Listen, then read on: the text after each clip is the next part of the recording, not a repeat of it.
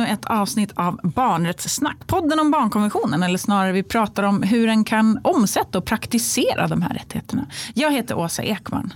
Och jag heter Linus Torgeby. Och idag så ska vi prata om en superviktig grej. Jag vet att när vi träffade Barnombudsmannen så tog hon ju upp det här att eh, arbetet mot våld mot barn, det är en jättepriofråga för att den när den rättigheten kränks då stör den ut så himla många andra mm. rättigheter. Mm. Och Det är också det som FNs barnrättskommitté har sagt i typ alltid också att en förutsättning för att kunna använda dig av de andra rättigheterna är att du lever i frihet från våld eller skyddas från våld. Mm. Och då blir ju det en väldigt bra så här, övergång då till våran gäst. Mm. Och idag har vi med oss Karin. Välkommen Karin. Tack så mycket. Karin Blomgren. Vi försöker skratta nu lite jo, innan för sen kommer det bli allvar.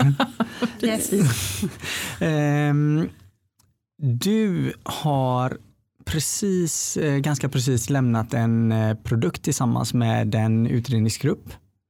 Eh, du har lämnat en produkt som heter, som är en nationell strategi för att förebygga och bekämpa våld mot barn. Det stämmer. Som ni har döpt till En uppväxt fri från våld. Det stämmer. Det mm. hette vår utredning också och vi gav eh, betänkandet samma, samma namn. Tyckte mm. det var lämpligt. Mm.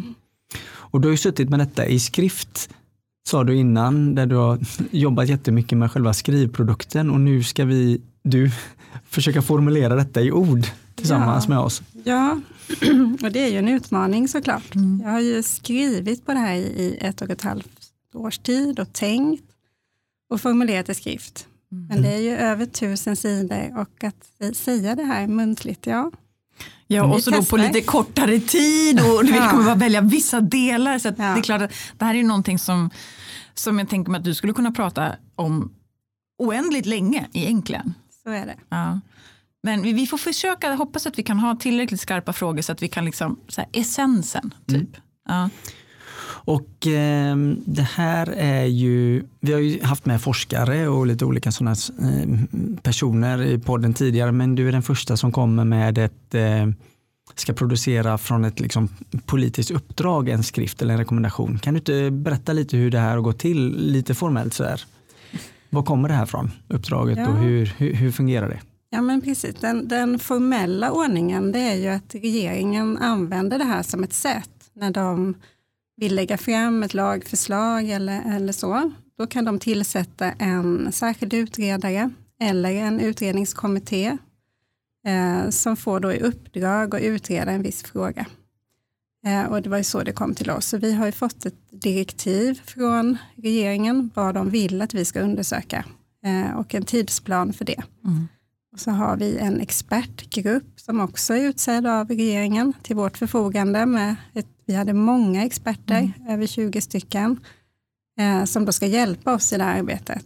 Och sen lägger man upp det på sitt sätt och så ska vi leverera eh, en rapport som blir en SOU som står för eh, statens offentliga utredning, mm. utredningar. Mm. Och då är det här nummer 2022 70 är det yes, ja. det stämmer. Mm. mm. För den som känner att åh, det här vill jag liksom lusläsa.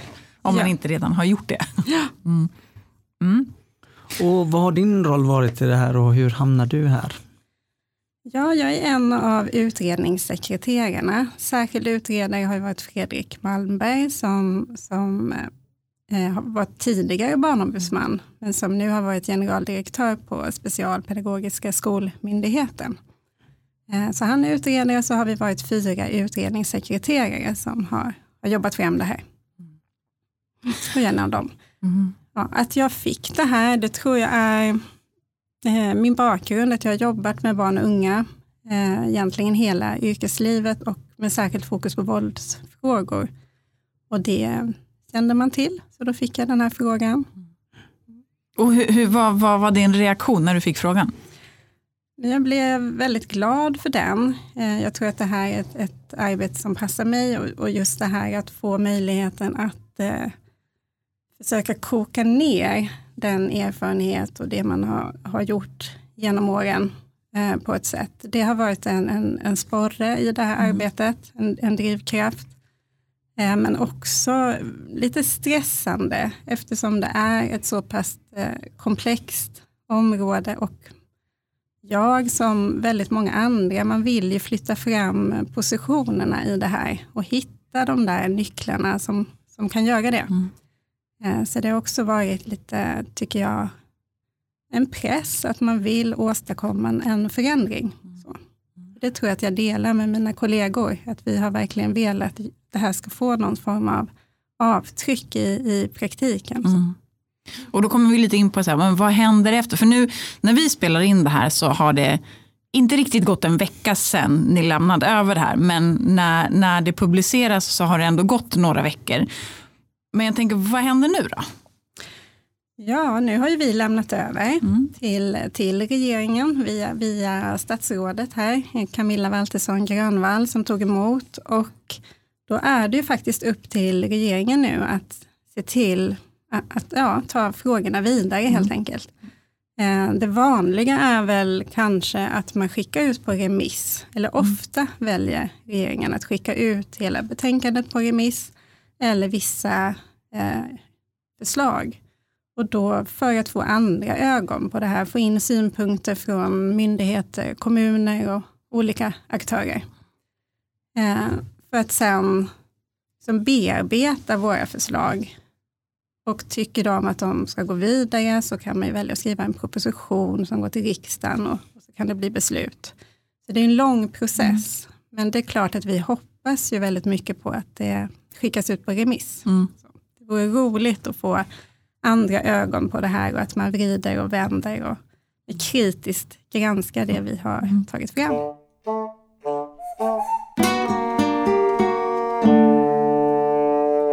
Jag tyckte bara, jag, tänker också jag tyckte det var så bra också på den pressträffen som var.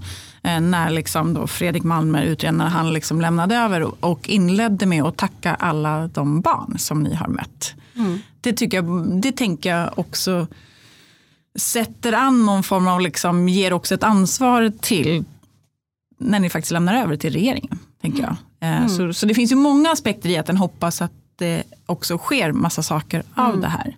Mm. Men frågan är innan vi går in på, för utredningen var ju också typ enorm. det uppdraget, alltså uppdraget det är ju typ lite halvt omöjligt ja. kanske man ska säga. Mm. Men vi kanske ändå ska börja i begreppet våld. Eller nu tittar jag på dig nu Linus för att se, är det där vi ska vara nu? Eller vill du att vi ska vara någon annanstans? vi kan gå dit alldeles strax. Jag, jag hade bara en, en fråga då när ni satt den här utredningsgruppen som drog igång där för ett och ett halvt år sedan ungefär drygt. Um, och ni ska jobba med tydligt fokus mot barn och unga och sådär. Uh, och Fredrik Malmberg som tidigare varit barnombudsman och sådär. Kände ni att ni hade koll på barns rättigheter? Då är ni och ni har en expertgrupp och ni har, eller, eller var, började ni med att uppdatera er och grundutbilda er i barnkonventionen? Mm. Eller hur, hur, ser det ut när man ändå är på en sån ganska avancerad nivå? Eller kändes det som att ah, alla vet och nu kör vi? Ja, jag tror att de faktiskt hade lyckats hitta ett gäng som vi var ganska så pålästa mm. på barnkonventionen. Och i expertgruppen hade vi verkliga experter i det här ämnet också. Mm. Um, så det tycker jag att vi, sen har vi väl varit ambitiösa i det här, att vi vill ju också hitta hur det här då ska omsättas i praktik, alltså barn, barnets rättigheter, så att det inte stannar vid de här kanske konventionstexter, mm. utan vad, mm. vad, innebär det här då i praktiken för, för, för barn i allmänhet och enskilda barn? Och så. så det, har vi, det har vi nog haft med oss genomgående faktiskt. Eh, snarare nästan så att vi har försökt kanske ta bort lite på slutet för att det, var väl, det blir väldigt mycket text mm. om, om barnkonventionen och istället försöka få med det här när det verkligen behövs och, och så. Har nog, det har vi jobbat med. Mm. Mm. mm. Och då tänker jag om vi går in på, eftersom det här är en utredning som handlar om våld mot barn. Och vi har ju pratat om det också, vi har haft något specifikt avsnitt om just artikel 19 i konventionen. Men, men jag tänker vi kanske ändå ska börja, hur har ni definierat våld? Eller liksom, vad är det, vad är det ni har, liksom, har tittat på? Eller? Ja men precis, vi har, vi, våld är ju som begrepp har vi tittat mm. på. Mm. Vi tänker att det är viktigt att sätta en definition och vi har valde väl ganska tidigt barnkonventionens mm. definition. Det är också den som pekas ut i, i vårt direktiv. Mm. Eh, och då har vi ju med fysiskt och psykiskt våld, eh, sexuella övergrepp, mobbning, kränkningar, försummelse. Och, och, det som är viktigt med att ha en bred definition av våld, det, det, det kan vara att det skapar konsensus, att man delar samma bild av vad våld är. Eh, det handlar om att samla in och jämföra data på ett likvärdigt sätt, att vi har enas om en definition. Eh, det kan ju också tydliggöra att våldshandlingar är skadliga, att de är oacceptabla. Mm. Eh, och ska, den, en definition ska också fånga vidden av problemet. Mm. Eh, och de, det kan handla om spektret av olika utövare och olika former av våld mot barn. Och I vårt betänkande så har vi egentligen inte haft några avgränsningar så, utan det är alla former av våld som drabbar mm. barn oavsett eh, omständigheter och vem som utövar våldet. Det kan mm. vara vuxna som utövar våld mot barn och det kan också vara andra barn som utövar våld. Och det tänker jag, här tänker jag är något jätteviktigt utifrån att kanske i andra rapporter och andra när man pratar om just förekomsten, ja men då kanske det är sådär att ja, men, vuxnas våld mot barn, mm. eller så är det liksom eh, våldet i skolan. Alltså mm. att den separerar, att det är de här liksom klickarna. Och de klickarna visar, ja, men så här, om vi tittar på den här eh, stiftelsen Allmänna barnhuset, Karlstad universitet, när 44 procent av eleverna i årskurs 9 och 2 på gymnasiet svarar att de någon gång i livet utsatt för något form av våld av en vuxen. Då är det ändå en enorm siffra. Och samtidigt har vi inte då plockat med till exempel mobbning i skolan eller liksom att du känner dig otrygg i mm. ditt område. Alltså, så jag tänker det är så himla viktigt av så många olika skäl att ni gör den här helhets, liksom, lyfter mm. in alla aspekterna. Ja. Um, och det var ju ingen fråga.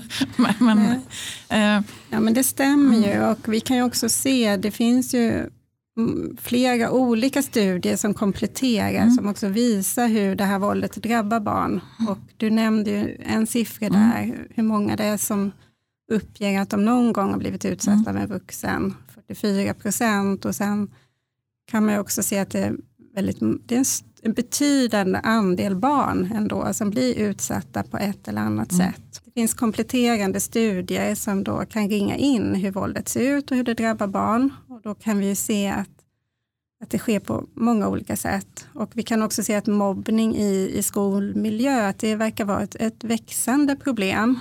Eh, utsatthet på nätet, där säger var fjärde elev att de innan de har fyllt 15 år har blivit kontaktade i sexuellt syfte av en, en person som är minst fem år äldre. Det verkar också vara ett mm. väldigt omfattande och kanske växande problem. Eh, vi ser att våld i ungas partnerrelationer är väldigt vanligt. Eh, och var tredje person, 16 till 19 år, de känner att de är ganska otrygga att gå ut ensamma i sitt eget bostadsområde. Så även om du inte drabbas själv eh, så kan du vara rädd för våldet som mm. finns i din närhet och det kan påverka din vardag. Um, så det, och sen har ju vi även försummelse med som, som i vår våldsdefinition. Och det är också ett betydande antal barn som mm. råkar ut för det. Kan du inte säga någonting, vad innebär det? Försummelse är ju att dina behov inte blir tillgodosedda. Det kan handla om, om värme, mat, kläder, eh, men också att, att inte undanröja risker för ett barn. Eh, att det inte finns, ofta är det ju en vuxen då som behöver finnas där och tillgodose de här behoven, särskilt om det rör små barn. Men vi kan ju prata försummelse även om med, med större barn. Mm. Eh, som inte får den, den uppsikt och den kärlek och omsorg som de behöver en avsaknad av eh, det här som man behöver.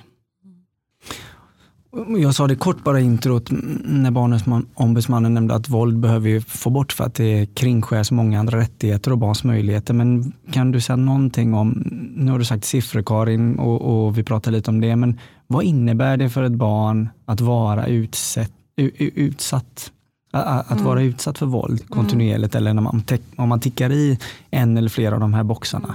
Mm. Vad gör det med ett barn? Um, kan jag börja bara med att säga en sak mm. med det här med siffrorna, mm. när jag glömmer det. För det jag tänker är det som är väldigt viktigt för Sverige, det är ju att vi har ju lyckats få ner förekomsten av våld mot barn. Om man tittar historiskt sett, om man tittar tillbaka på 50-60-talet så var det betydligt vanligare att bli utsatt för våld än i alla fall statistiken visar idag. Mm. Eh, men det som är, är bekymmersamt är att det fortfarande, trots den här, de här attitydförändringarna som har skett och lagändringar som har, eller lagar som har skärpts och, och så, och mycket informationsspridning och så där, så har vi ju ett stort antal barn som utsätts. Och vi kan också se att de som utsätts för allvarliga former av våld och upprepat våld, den siffran tycks inte minska mm. på det sättet som vi, som vi vill. Mm. Och när det handlar om hur barn drabbas av våld, då kan man ju säga att det, det är ju ett enormt stort lidande för, mm. för barn. Det handlar ju om att inte eh, det handlar om hälsa och utveckling och, och, och, lek och fritid, om vi pratar rättigheter. Mm. Att det är så många rättigheter som, som får stå tillbaka när barn utsätts för våld. Så det, det påverkar barnet. Eh, många gånger kan det påverka en väldigt stor del av vardagen och det kan vara här och nu och det kan vara konsekven, konsekvenser långt senare i livet. Så, så det är ett stort personligt lidande. Vi kan också se att det är enorma samhällskostnader mm. eh, som, som, som, som det här leder till. Mm. Och då kan det handla om rent faktiska, akuta eh, åtgärder. Eh, och det kan ju också handla om långsiktiga konsekvenser, att, att människor inte klarar sina studier och kan komma ut i arbetslivet och, och lida av kanske psykisk ohälsa mm. i vuxen ålder och så. Det, det blir ju kostnader för vård och, och, och så. Så det, det, det, är ett betydande folkhälsoproblem och ett allvarligt samhällsproblem. Mm. måste vi se det. Ja men det är ju utifrån när du tittar på både när vi pratar om omfattning, liksom både platserna som det sker och också i omfattningen så är det här ju en vardag i barns liv. Mm. Och det tror jag inte, alltså jag tänker att det behöver människor få in och fatta att våld är en del av barns vardag. Mm. Och det tänker jag är ju, alltså det är ganska skrämmande när den säger de orden. Mm. Ja, men jag, exakt vad jag tänkte och, och, och någonstans så så handlar ju de här, det är en nationell strategi, men jag tänker direkt på, eh, alltså bakom de här siffrorna också, Alltså det, det, är barn och unga där ute just nu som jobbar för fullt med strategier, sina egna strategier för att hur ska jag undvika våldet? Hur, när kan jag gå när det är tryggt? Hur ska jag bete mig mot min partner för att, för att han, hen, hon inte ska slå mig? Hur, hur ska jag göra så att jag eh, gör att mamma inte eller pappa inte spenderar hela lönen eller bidraget på alkohol direkt. Alltså, mm. Eller? Ja, men så, så mm. är det ju. Och vi, av de barns röster som vi har tagit del av nu, det, det visar att vissa barn de signalerar väldigt kraftigt söker aktivt hjälp. Eh, och vissa av dem får det och vissa upplever att de inte får, mm. får den hjälpen de behöver. Sen har vi också ett stort antal barn som inte berättar för omvärlden, kanske inte litar på mm. att samhället och vuxna finns där för dem. Eh, så de bär ju det här inom sig mm. alldeles för länge och kanske ända upp i vuxen ålder. Det är ett jätte, jättestort problem. Att nej, så länge våldet osynliggörs så kan vi inte komma åt det. Och jag tänker, det som du beskrev, att, så att ja, men en del barn berättar, andra vill inte berätta alls och en del kanske försöker. Då tänker jag att det kräver ju också olika sätt för oss som vuxna för att möjliggöra för barn att berätta. För det är ju liksom vårt ansvar. Men, och då tänker jag, då kommer vi in lite på det att vi kanske bör ändå säga någonting också om den här enorma omfattningen av den här utredningen. För det här är den första som ska liksom ha något slags helhetsperspektiv mm. på frågan om våld mot barn. Så, och nu behöver jag då bara ta min dator här, så jag, om jag ska liksom säga någonting, eller jag tänker, vill du säga om alla dessa olika saker som ni faktiskt hade uppdrag att göra. För det är ju en, eh, det är en ganska stor lista. Eller det är omfattande, ja. alltså listan kanske inte är superlång men det är väldigt omfattande. Mm. Varje punkt är ju ganska, alltså, är ju rätt omfattande. Ja, det var väldigt många, många sidor direktiv mm. men om man ska säga i korthet vad vårt uppdrag gick ut på så var det att vi skulle då lämna, lämna förslag till en samlad nationell strategi för att förebygga och bekämpa våld mot barn, inklusive hedersrelaterat våld och förtryck. Och det här förslaget till strategi det skulle anta just ett helhetsperspektiv. Eh, det skulle möjliggöra en sammanhållen inriktning för arbetet och det skulle ha en tioårsperiod. Mm. Så. så det är långsiktigt arbete och, mm. och då har vi haft i uppgift att ta fram förslag till mål just för det här långsiktiga arbetet. Eh, I det här ska vi då identifiera brister, luckor, ehm, förbättringsbehov. Eh, vi ska också titta på framgångsrika insatser och vad man kan göra mer av och lyfta fram det. Ehm, och sen för att nå då de här uppsatta målen så skulle vi också föreslå åtgärder inom en rad utpekade områden. Mm. Så att man kan säga att vi hade både uppgift att ta fram en strategi och en handlingsplan. Mm. Mm. Eh, och det gör ju det här ganska omfattande. Och jag tänker, inom de här områdena också mm. så är ju de i sin tur också ja, ganska omfattande. Vill du säga, för det är ju liksom hela processen mm. egentligen. Ja, de här områdena det har ju varit att vi ska titta särskilt på samverkan eh, och ansvarsfördelning mellan olika aktörer.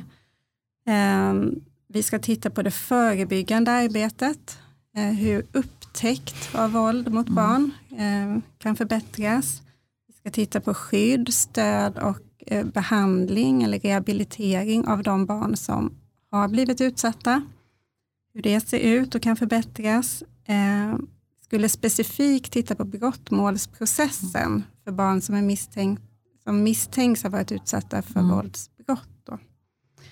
Och det sista området det var inte så litet det heller. Det är ju kunskap och metodutveckling och uppföljbarhet. Mm. Eh, alltså hur kan vi eh, förbättra kunskapsutvecklingen och hur kan vi samla in data och eh, följa utvecklingen på, på ett bättre sätt. Eller hur ser det ut idag och hur kan det förbättras? Så ser man det sådär, tänker jag, då är det ganska imponerande att ni har lyckats med tusen sidor bara. Ja, ja. men egentligen.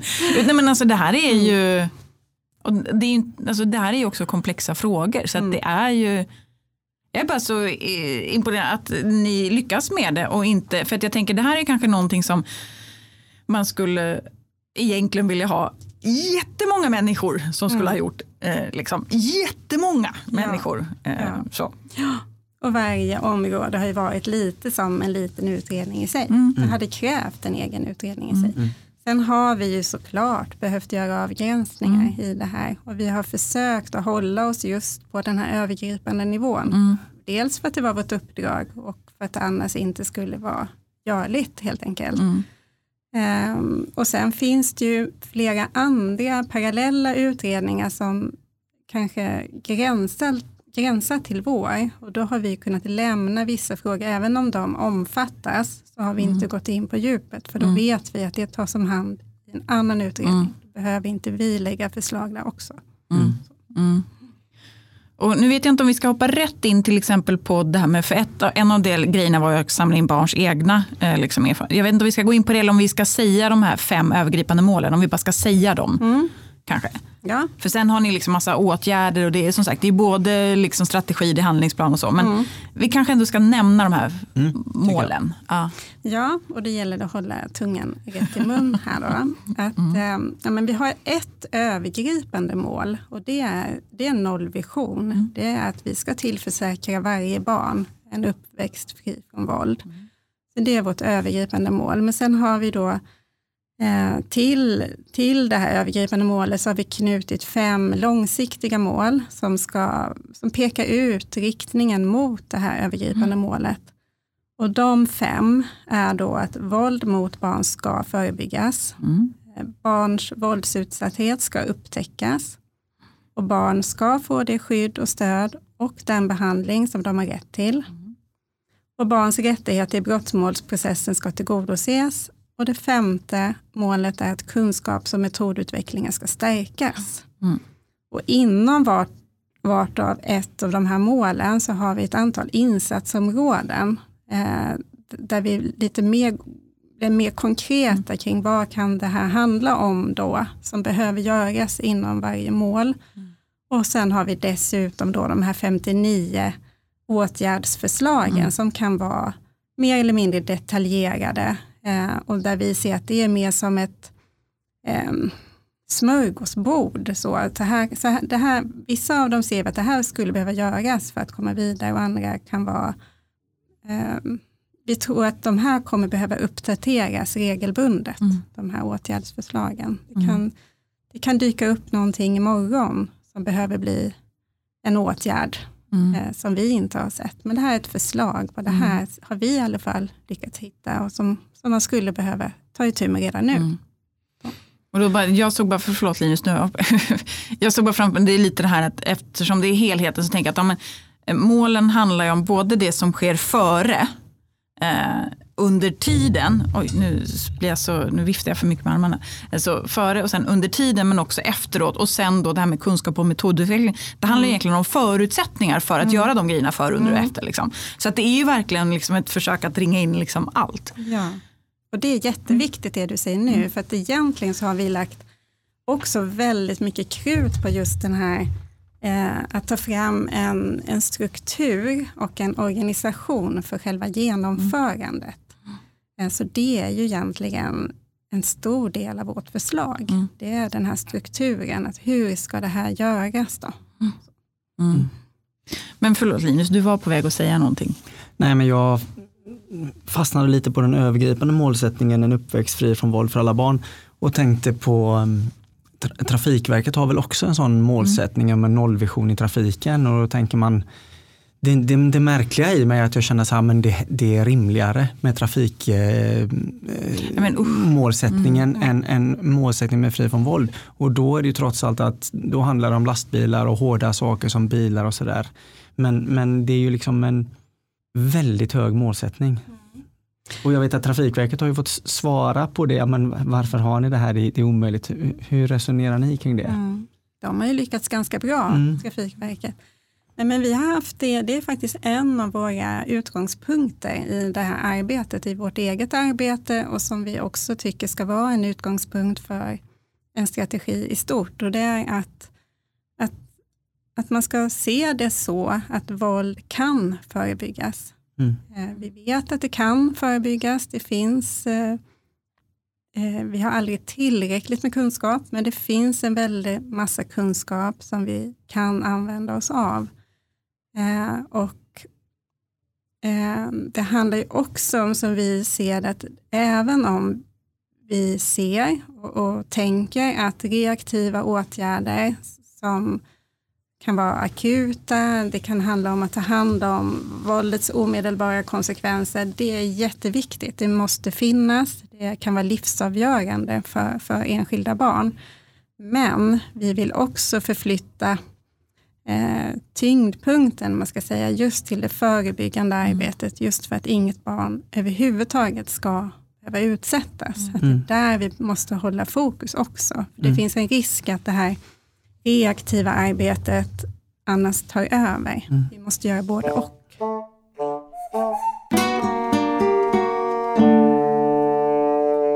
För I podden har vi haft väldigt mycket olika folk och vi har haft en spännvidd på, på tidsålder också. I ett avsnitt så pratade vi med två barnmorskor som, som pratade om ja, men hur, hur, hur jobbar man med föräldrar där det finns riskfaktorer inblandade. Mm. Redan där tänker jag ju på också det förebyggande mm. tidiga och, mm. och att det handlar om så olika åldrar. Mm. Ja, och där kan man ju se att, att eh, de här riskfaktorerna som gäller för våld mot barn, de, de är många gånger de samma som för andra mm. Eh, så att säga, folkhälsoproblem eller ja, samhällsproblem. Eh, så det har vi också velat ringa in och, och lyfter fram särskilt att det här är det är en rättighetsfråga men det är också en, en folkhälsofråga. Och då har vi ju väldigt många aktörer som du nämnde barnmorskor. Vi har ju, vi har ju i så att säga samhällets skyddsnät så har vi en massa aktörer som blir oerhört viktiga mm, i det här. Mm. Um, och som behöver ha en massa förmågor mm. och kunskap uh, och mod och så.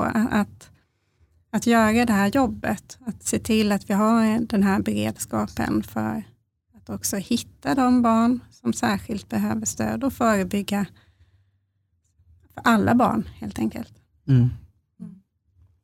Ja, för det, det, var också en sån grej som jag tänkte när jag, när jag läste och när jag hörde berätta, då tänker jag bara, men vilka är det som står längst ut, längst fram och ska upptäcka det här barnet? Som jobbar i den längst fram i, liksom, i, i den förebyggande sluttampen. Liksom. Eh, som är längst ut på snöret av det som ni har försökt bygga. Mm. Ja, det var en sån bild som jag bara direkt fick. Mm. Liksom. Mm. Ja, vi har väl tänkt att det också handlar om att främja trygga miljöer för mm. barnet. De, mm. de miljöer där barn vistas. Eh, om det så är i hemmet, eller skolan, eller på nätet eller på fritiden. Och så. Där, där de vistas så ska det vara tryggt. Mm. Och, och, genom att ha ett sådant främjande perspektiv så tror vi också att det är eh, lättare att förebygga våld. Eh, det är tryggt från början så att säga. Mm. Mm. Jag tänker, det jag tycker också är häftigt med att ni har ett helt kapitel som handlar om barns egna röster och det var ju ett av uppdragen. Liksom. Um, men har det varit, för mycket av det tänker som du berättar nu, det är inte så att det här kanske är helt supernya saker. Liksom. Vi vet att förebyggande arbetet är superviktigt, vi vet ju liksom trygga miljöer, alltså, vi vet ju mycket av det. Var det någonting längs vägen som ändå var så här, oh darn, det här har vi aldrig någonsin tänkt på hela vårt liv. Liksom, så. Fanns det någon sån grej med? Oj. Eller liksom um. någon så här, ja men jag visst fan, det där ja. Nej, jag, jag, det vågar jag inte säga, men däremot så tror jag att det har, det blir ju hela tiden att vi ser hur, hur komplext eh, saker och ting är, att det finns ju inga enkla snabba mm. lösningar. Så det gäller ju hela tiden att jobba på så många olika fronter på samma gång. Mm. Eh, och kunna ha flera tankar i huvudet samtidigt. Och det gäller ju alla. Det gäller ju inte, det gäller ju inte bara oss i, i som har suttit och skrivit på det här, mm. utan det gäller ju att ha det i det här arbetet. Så det blir ju å ena sidan och andra sidan mm. så, så mycket fram och tillbaka. Eh, och när vi vi har ju haft då turen att ha Fredrik Malmberg som, som var utredare som verkligen har velat fånga in barns röster. Det är någonting han har jobbat med tidigare och han ser det som oerhört viktigt. Och det har vi ju alla gjort och vi har ju lagt ganska stort krut på det. Eh, sen är det en utmaning att sitta i en utredning och samla in barns röster, för det här blir allmänna handlingar och, och mm. vi vill inte att det ska kunna mm. begäras ut eftersom det kan vara känsliga uppgifter mm. och så. Så vi har ju tagit hjälp av en rad eh, organisationer eh, och med hjälp av dem intervjuat barn. Eh, så det är de som, som sitter på barnets berättelser mm. och paketerar det och skickar till oss. Mm. Mm. Men vi har kunnat eh, föreslå vilka frågor vi skulle vilja ha svar på. Eh, och så så det har varit ett väldigt bra samarbete där. Eh, och då har vi haft eh, samarbete med, med flera olika organisationer. Det har varit, för tanken var att vi ville ringa in olika grupper av barn som kanske inte vanligtvis blir lyssnade på. Mm. Mm. Så, så, det kan handla om barn i hederskontext och det kan handla just om våld i ungas eh, parrelationer. Um, sexuella övergrepp. Vi har haft ECPAT med mm. som, har, som har hjälpt oss. Um, och sen um, attention för att få med mm. barn med funktionsnedsättningar och det som kan vara specifikt uh, för dem. Uh, så, att, så vi har ju ansträngt oss för att ringa in uh, flera olika grupper av barn och samtidigt då det jag var inne på att, att det är så komplext mm. så vet ju vi att de här, de här barnen som är helt tysta, som inte avslöjar våld, de når vi ju inte på det här sättet heller. För det här är ändå barn som någonstans har, har tagit emot eh, samhällets insatser och har synpunkter kring det, eller själva aktivt har sökt hjälp. Eh, men de här barnen som inte aktivt söker hjälp eh, och som kanske lägger sin energi för att dölja våldet för mm. omvärlden, de är svåra att nå mm. i, en sån här, i ett sånt här arbete. Mm. Och det är, ganska, det är en ganska bra så medskick, eller liksom att vi alla faktiskt bär med mm. oss det. Mm. Um, ni har ju då kategoriserat liksom som fem områden uh, i liksom när ni redogör för liksom, uh, ja, men deras liksom, röster eller liksom erfarenheter. Då är det ta emot berättelser och upptäcka våld, hjälp, stöd och skydd, utreda brott, min vardag och stoppa våldet innan det händer. Mm. Vad, vad liksom, vilken av dem känner du att du vill prata om nu? För jag tänker, för, för det är ju såklart, mm. vi, ju jätte, vi vill ju mm. jättegärna liksom mm. att lyfta fram det, det liksom värde barn och unga själva har berättat. Mm. Hur mycket av det liksom har kommit med som förslag och vad är det som inte har kommit med. Ja, du förstår, vi har många mm. frågor kring det här. Ja. ja. Ja, men vi pratade lite om det här förebyggande, så vi kan väl, om man skulle nämna någonting om, om upptäckt, mm. Mm. så tänker jag att där finns så, finns så mycket man kan säga om det. Eh, och något som har varit genomgående i alla de här, som du nämnde nu, mm. områdena, som vi ser att det, det, är det det hänger på, det är ju ofta att barn känner tillit. Mm. Eh, för att kunna söka hjälp eller, eller så, så, så, behöver de kunna känna en, en tillit till den man pratar med. Eh, så det, det, har varit genomgående, så därför har vi också försökt lägga förslag för att stärka upp det. Alltså vuxna som är i barns närhet, att stärka deras förmåga att jobba tillitsskapande, att barnet ska vara delaktigt och känna att man har kanske eh, en större förståelse för vad som kan hända med en berättelse när, den, när det avslöjas att man varit utsatt för våld. För många beskriver att de tappar kontrollen över sin berättelse och mm. De kan också utreda, eller de kan uttrycka att om det här skulle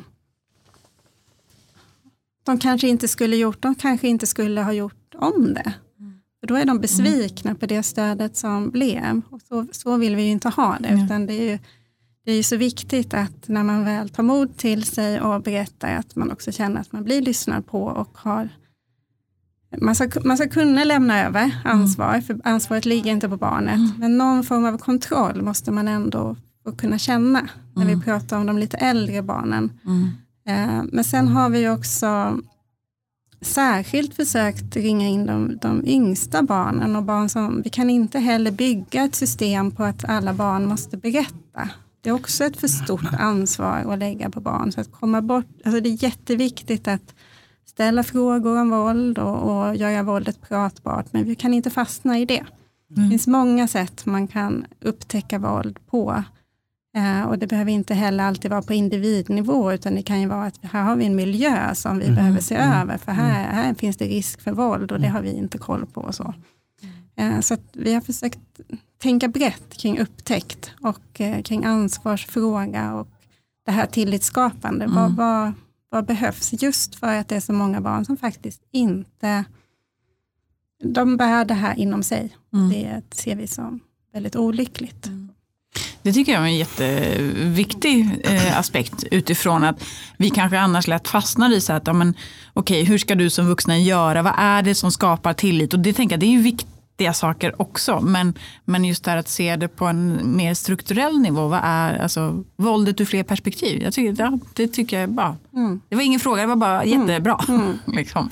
Nej, jag vet, i, I något avsnitt så pratar vi också om vilken information som finns tillgänglig till föräldrar och hur man presenterar den på BVC. Mm. Och vi gick igenom lite regionernas mm. liksom, infomaterial och sådana saker för just kolla på de delarna.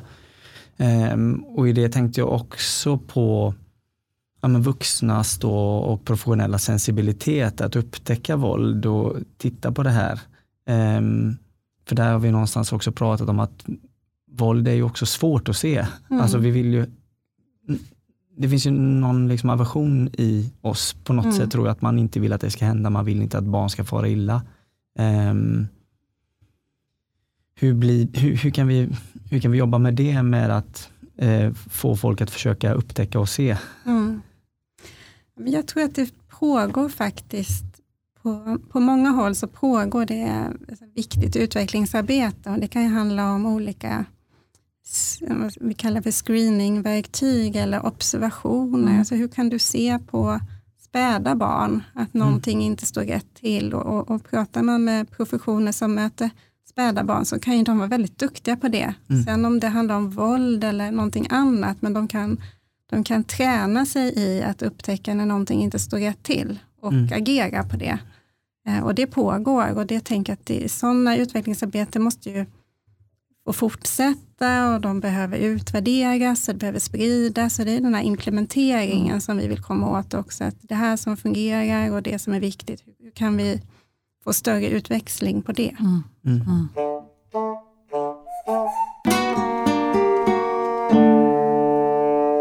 Finns det något annat där som barnen har berättat som, som du tänker är viktigt att lyfta fram? Mm. Ja, men, de här som frågeområdena som mm. vi gav dem, de fick ju välja själva. Mm. Så de kan ju ha valt det som låg de närmast. Så. Eh, men vi kan ju se att vissa barn behöver ju någonting mer. De, de kan vara så pass påverkade av våldet så de behöver någon form av behandling, mm. alltså traumabehandling eller så. Och eh, där kan vi se att det är många barn som blir utan eller de får vänta alldeles för länge på den typen av, av stöd. Um, så det finns mycket att göra inom stöd och behandling och det kan ju handla också om att barn hamnar faktiskt mellan stolar för mm. att de olika professioner inte kan enas om vems ansvar mm. det här mm. faktiskt mm. är. Och det ser ju vi och det är ju känt sedan innan och det bekräftas i vår mm. utredning. Så det har vi försökt också på något sätt stärka. Mm. Utan att kanske ha en en hundraprocentig lösning på problemet, för det handlar om olika bedömningar, att profession, professioner gör olika bedömningar mm. när det gäller barn och deras behov. Um, men men att, att stärka det uh, och stärka samverkan mellan de här professionerna, så att det alltid ska vara någon som, att barnet ska inte bli helt lämnat därhän. Mm. Så, det är jätteviktigt. Uh, men sen kan det ju vara också att faktiskt det här stödet i vardagen ska man ju inte underskatta. Att det är inte alla barn som behöver någon form av, av terapeutisk behandling eller, eller så, utan det kan handla om att få klara skolan och känna sig trygg i skolan och få hjälp med det och det här med kamratrelationer och, och att det är så mycket andra bitar i barnets liv som kan vara skyddande faktorer som man kan stärka upp som vi inte får glömma bort. Mm. Jag bara tänker på det här med normförskjutning och tolerans kring våld och vad som är normalt och inte normalt och hur det ska funka och inte funka. Um, apropå att man kan växa upp då i en familj där det finns en våldssituation och hur ska jag veta att men, det här är någonting fel? Eller också i, apropå sexuella övergrepp, men också våld i partnerrelation där man kanske hamnar i en situation där man sakta, för en, där man sakta blir indragen i en våldsspiral och av en våldsutövare. Eh, och på något sätt, alltså vem kommer på att det är fel? Mm, mm. när, när, det, när det på något sätt blir barnets uppdrag, eller det är bara barnet som kan se att det är fel. Mm. Och, mm. Vi försöker ha screeningar och som du säger, men hur, hur eh, Ja, ja, vi pratar om tillit, vi, vi, vi, vi, ja. pratar runt om det här men förstår ni, ja. för just det med normförskjutning, för det här kan vi prata också om eh, riskområden eller mm. eh, så, här, så. Ja, men det här med normalisering av våld, det är ju fortfarande ett väldigt stort problem. Så. Mm. så att, och eh, vi tänker ju att det kan aldrig nästan bli för mycket information, att alla barn behöver få information väldigt tidigt och det kan mm. ju handla om information om sina rättigheter just. Och, mm. eh, genom att prata om våld i förskola och skola så kan man också se att jaha, det här som jag är utsatt för nu, det är, det är våld och det är inte okej. Okay. Det kanske är någonting som man kanske inte har sett med, med de ögonen tidigare. Mm. För att det har varit så normalt. Så att, mm. um, så att information till barn, information till vuxna, information till professionella som finns runt barnen och, så, och fortsätta med det väldigt eh, ihärdigt. Mm. En har ju ofta så tänkt annars att eller det hörs ofta så att ja men typ internationella barndagen eller barnkonventionens födelsedag eller FN-dagen då när kanske här, förskolor och skolor liksom slår på trumman och bara ja nu berättar vi för barn vilka rättigheter de har. Att det är ganska lätt att tänka så att ah, men vad då en gång om året. Det är mm. kanske, alltså, men samtidigt om man tänker sig att det är just på den dagen kanske som ett barn för första gången får höra att det som barnet utsätts för hemma inte är okej. Då tänker jag att då är alla de här uppmärksamhetsdagarna mm. sjukt viktiga. Sen önskar han ju att det finns med hela vägen. Liksom. Mm. Um, men, och samtidigt kan jag tänka att det är så konstigt också att vi fortfarande, att vi liksom att det fortfarande är där också vi pratar. Att vi måste berätta för barn vilka rättigheter de har. Att vi måste berätta för vuxna. Liksom. Mm. Ja. Det kändes som att det blev jävligt deppigt kände jag. Här. Ny, det liksom. kommer ju nya barn. så att de, de har ju inte den här informationen. Nej, men jag tänker att vi inte har hittat mm. de här rutinerna eller systematiken ja, att göra exakt. det. Alltså det är lite det. Ja, och det kanske man eh, ja, blir man klar med det? För jag tänker också att barn är ju alla barn är ju inte lika, mm. de har inte samma behov. Så någonstans behöver vi alltid vara kreativa mm. Och vara beredda och, och, vara, och tänka om och vara flex, flexibla. Um, och, och, Det kan ju vara så att ett sätt inte passar ett annat barn, som har mm. funkat mm. för ett barn. Uh, men det, det, vi, det man kan se är väl att om man tittar i skolmiljö och sådär, att det finns olika sätt att tackla eh, svår, svårigheter. Så att, och, exempelvis så kan det vara så att om, om du har ett barn som utsätter andra barn för våld, så tar man, tar man det barnet därifrån och, och stöttar det barnet väldigt intensivt. Eh, och sen förflyttas det här barnet tillbaka till samma stökiga miljö, då kanske det är ogjort. Mm. Så du kanske både måste jobba specifikt med ett enskilt barn, men också hela den här miljön där barnet mm. också ska kunna fungera på ett optimalt sätt. Så det, är så, det är många bitar som, som vi måste tänka på samtidigt. Mm. mm.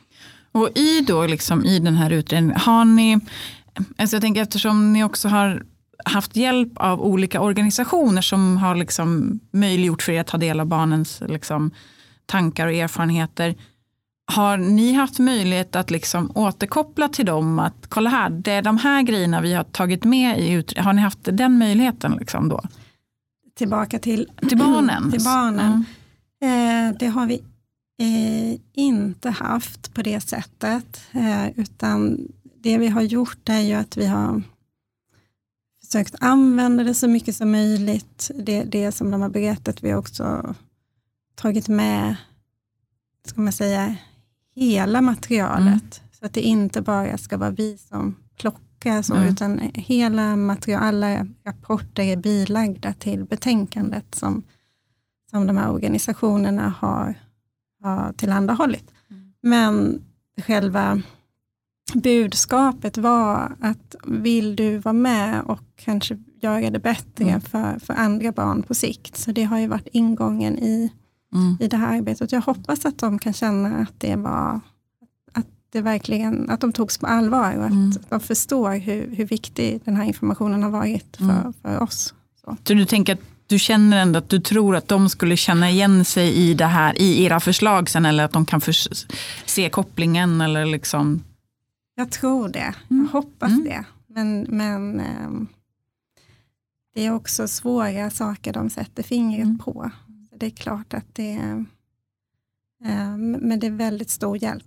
Mm. Och det är väl någonting vi har velat, om man, om man ska säga så, att vi, det, vi, det vi försöker göra det är ju att det här med barns delaktighet, det ska inte stanna i den här utredningen, utan vi har ju också förslag för hur kan man jobba mer intensivt med det inom hela strategin. Alltså mm. Hur kan vi underlätta för barn att vara delaktiga både i i planering och genomförande av insatser, mm. men också i uppföljningen.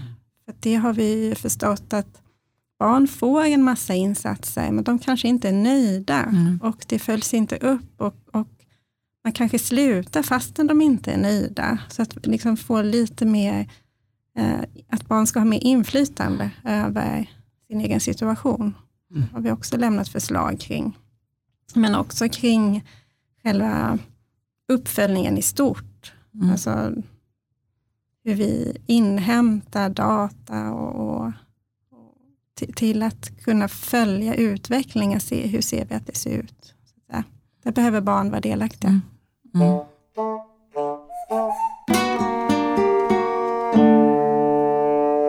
Men det där jag nämnde förut med organisation för genomförandet är ju kanske viktigt att nämna ändå, Mm. för det handlar om att få, att få till den här långsiktigheten eh, och det, det strukturella, alltså hur, hur får vi då till någon förändring som också är bestående?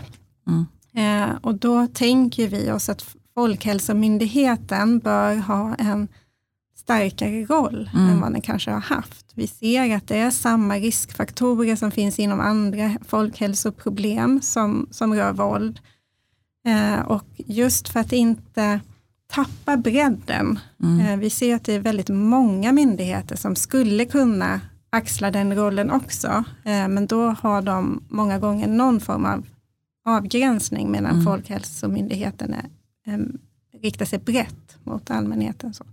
Men det är lite också som ni Mm. skriver på flera sätt, det här är ju en folkhälsofråga också. Mm. Eh, och Ja. att ta det greppet om det Ja. möjliggör ju också att öppna det lite. Ja, så vi Mm. tänker att Folkhälsomyndigheten bör ha en samordnande funktion och sen ser vi också att eh, det är väl 27 olika nationella aktörer som behöver bidra på ett särskilt sätt eh, tillsammans med Folkhälsomyndigheten och vi ser att eh, kommunerna, det är ju ändå de som är där närmst barnen så att Mm. säga.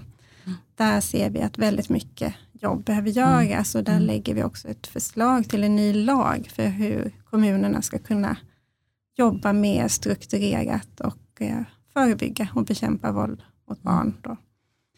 Och länsstyrelserna ser vi också som en, att få ihop det här då med det kommunala, regionala och nationella arbetet, att de behöver finnas med Mm. och, och hjälpa till med det. Och sen för att också nå ut till de som är allra närmast barnen så ser vi att statsbidrag fyller en viktig funktion. Eh, Att man kan ha möjlighet att söka statsbidrag för att kunna bidra till arbetet. Då. Mm. Och det Mm. gäller både kommuner och, och eh, civila aktörer, alltså civila organisationer. Och så. Och jag bara kä- kände inom mig att det är så lätt att bli en så pessimist när man pratar om att myndigheter ska samverka och att det är som, alltså, 27 olika aktörer. Det är, det är skitsvårt, Mm. tänker jag. Vad är det liksom som krävs för att folk ska göra det här? Kan, Mm. Eller går det ens att svara på? Alltså, alltså, tanken är väl att om man, om man klubbar en strategi Mm. och att man enas om att det är det här som ska gälla och att man går i sam, åt samma håll så kan ju det ha en effekt. Mm. Så. Ehm, det, det är väl själva tanken med det här. Men Mm. jag kan väl jag känner väl också att det här det är utmaningar som Mm. vi löser inte på vi löser det inte på tio år Mm. heller, skulle jag säga. Utan det här är någonting som kan sätta sig kanske på tio års Mm. sikt, men sen behöver ju det här fortsätta. Mm. Det finns ju en del av en som bara känner så här, fan, vi lägger ner allt annat bara vi löser det. Alltså, typ, kan vi bara få fokusera på det här? Liksom, så. Mm. Eh, Men det kommer inte. men Jag var också nere liksom och Mm. tänkte på kommunerna och jag tänkte på ja, men ordförande för socialnämnden eller barn och utbildningsnämnden. Alltså, om vi ringer runt till dem om ett år eller Mm. två år eller någonting och så här, berätta om den nationella strategin. Mm. Hur fångar ni upp de här punkterna? Alltså, Mm. man kanske inte behöver redovisa alla men de här olika delmomenten. Alltså, där tänker jag att man har kommit en ganska lång väg om man känner att ja, men de äger de här liksom, Mm. delarna. Alltså på något sätt, ja, men hur samlar vi in? Hur pratar vi om detta? Hur informerar vi? Vad har Mm. vi för föräldrastöd? Hur jobbar folkhälsosamordnaren brett i kommunen och sådär? Eller i stadsdelen i de större kommunerna. Liksom. Eh, Att, att någonstans eh, att göra det här eh, greppbart för kommunpolitiker och, och, och kommunala chefer känns ju som en superviktig del i det hela. Ja, och sen att vi, det handlar väl om att hålla energin och Mm. lågan uppe. Uppe, för jag mm. tror att det är, det är nog många som känner den här tröstlösheten och, och, hur ska det här gå? Det är för stort och det är för svårt och det är för mycket som ska göras. Men jag tror att man behöver liksom ingjuta den energin, att, att det lilla som man gör kan ha väldigt stor betydelse. Att det, jag ansvarar för min pusselbit och det jag gör i det här lilla, det kan också ha en st stor betydelse för, för, för mm, helheten mm, och i mm. vissa fall kan det vara avgörande, en liten sak som mm. man gör. Så att man um, får in det, att alla kan inte axla hela ansvaret, men tillsammans så blir det ju det här då. Mm, att man verkligen försöker sätta ett barnets mm. perspektiv på sitt uppdrag och sitt arbete. Och nu kände nu kom du väldigt så här, naturligt in på egentligen vår sista fråga. Eh, vi har pratat lite för länge eh, för att det finns så mycket att säga. Men sista frågan är egentligen, vad tänker du så här, ja men en vuxen i barns närhet liksom. Vad är det en sån person kan göra? För du sa ju det här, i det lilla liksom. Om du fick ge ett tre eller fem medskick till de vuxna som lyssnar va, och som har barnen runt omkring sig på något sätt. Vad tycker du de ska göra? Jag kan börja med att säga att det är, det är viktigt att ha många tankekedjor igång mm. samtidigt och vi behöver ta den här allvarlighetsgraden. Eh, den måste vi kunna ta in eh, och det faktum att våld mot barn det, det riskerar att allvarligt skada barn.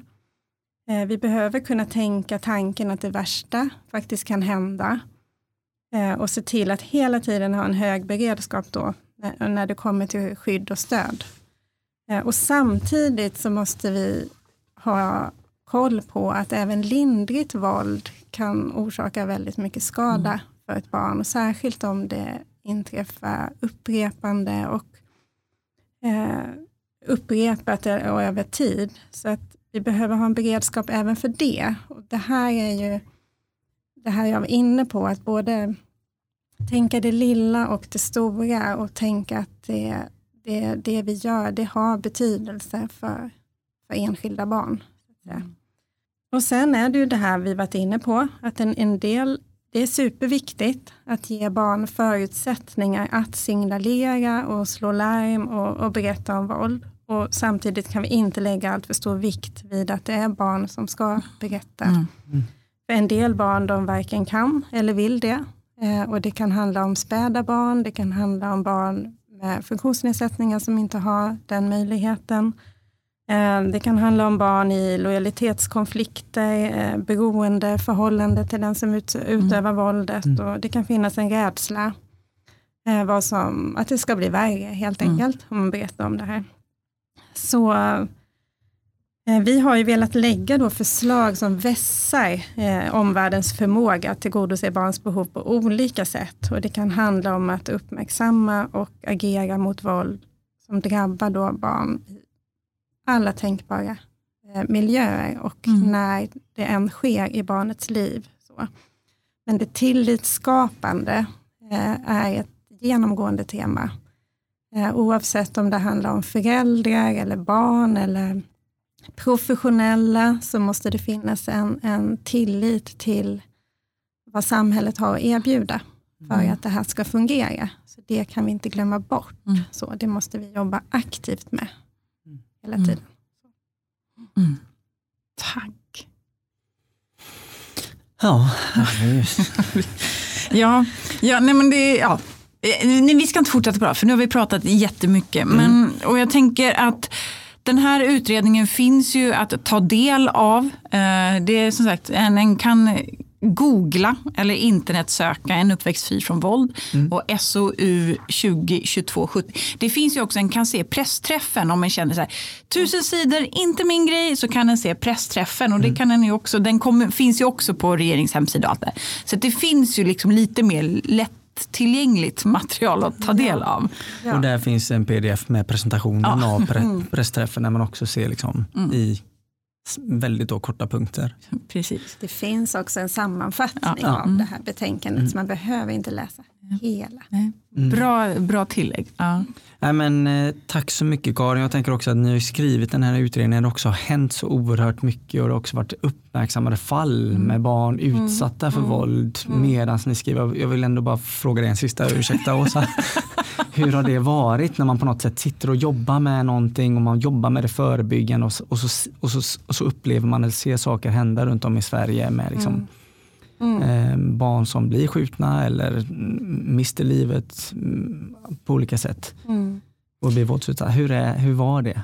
Ja, ja, det är ju en svår fråga. Det, det är sånt som inte får hända. Mm. Så är det ju. Det fick inte hända tidigare, det får inte hända nu och det får inte hända framöver. Så att, jag kan väl egentligen, om jag backar lite så kan jag säga att när det händer sådana oerhört tragiska händelser så har man ju känt att det här arbetet har varit ännu mer viktigt Mm. Mm. lite det här jag var inne på i början, att, att det finns någon slags eh, press som man kan känna att man faktiskt vill åstadkomma någonting för att det här får faktiskt inte hända. Eh, och försökt skruva på de förslag som vi har så att de ska bli ännu lite mer inkluderande eller spetsiga så att det inte finns de här kryphålen så att säga där, där, eh, där, vi, inte, där vi har missat någonting. Så. Mm. Eh, sen är det klart att vi inte kan ha en, en helt heltäckande eh, lösning. Det finns inte, men vi tror ju att det här genom att jobba förebyggande framför allt och ha hög beredskap skap kring eh, skydd och stöd så kommer man en bra bit på vägen i alla fall.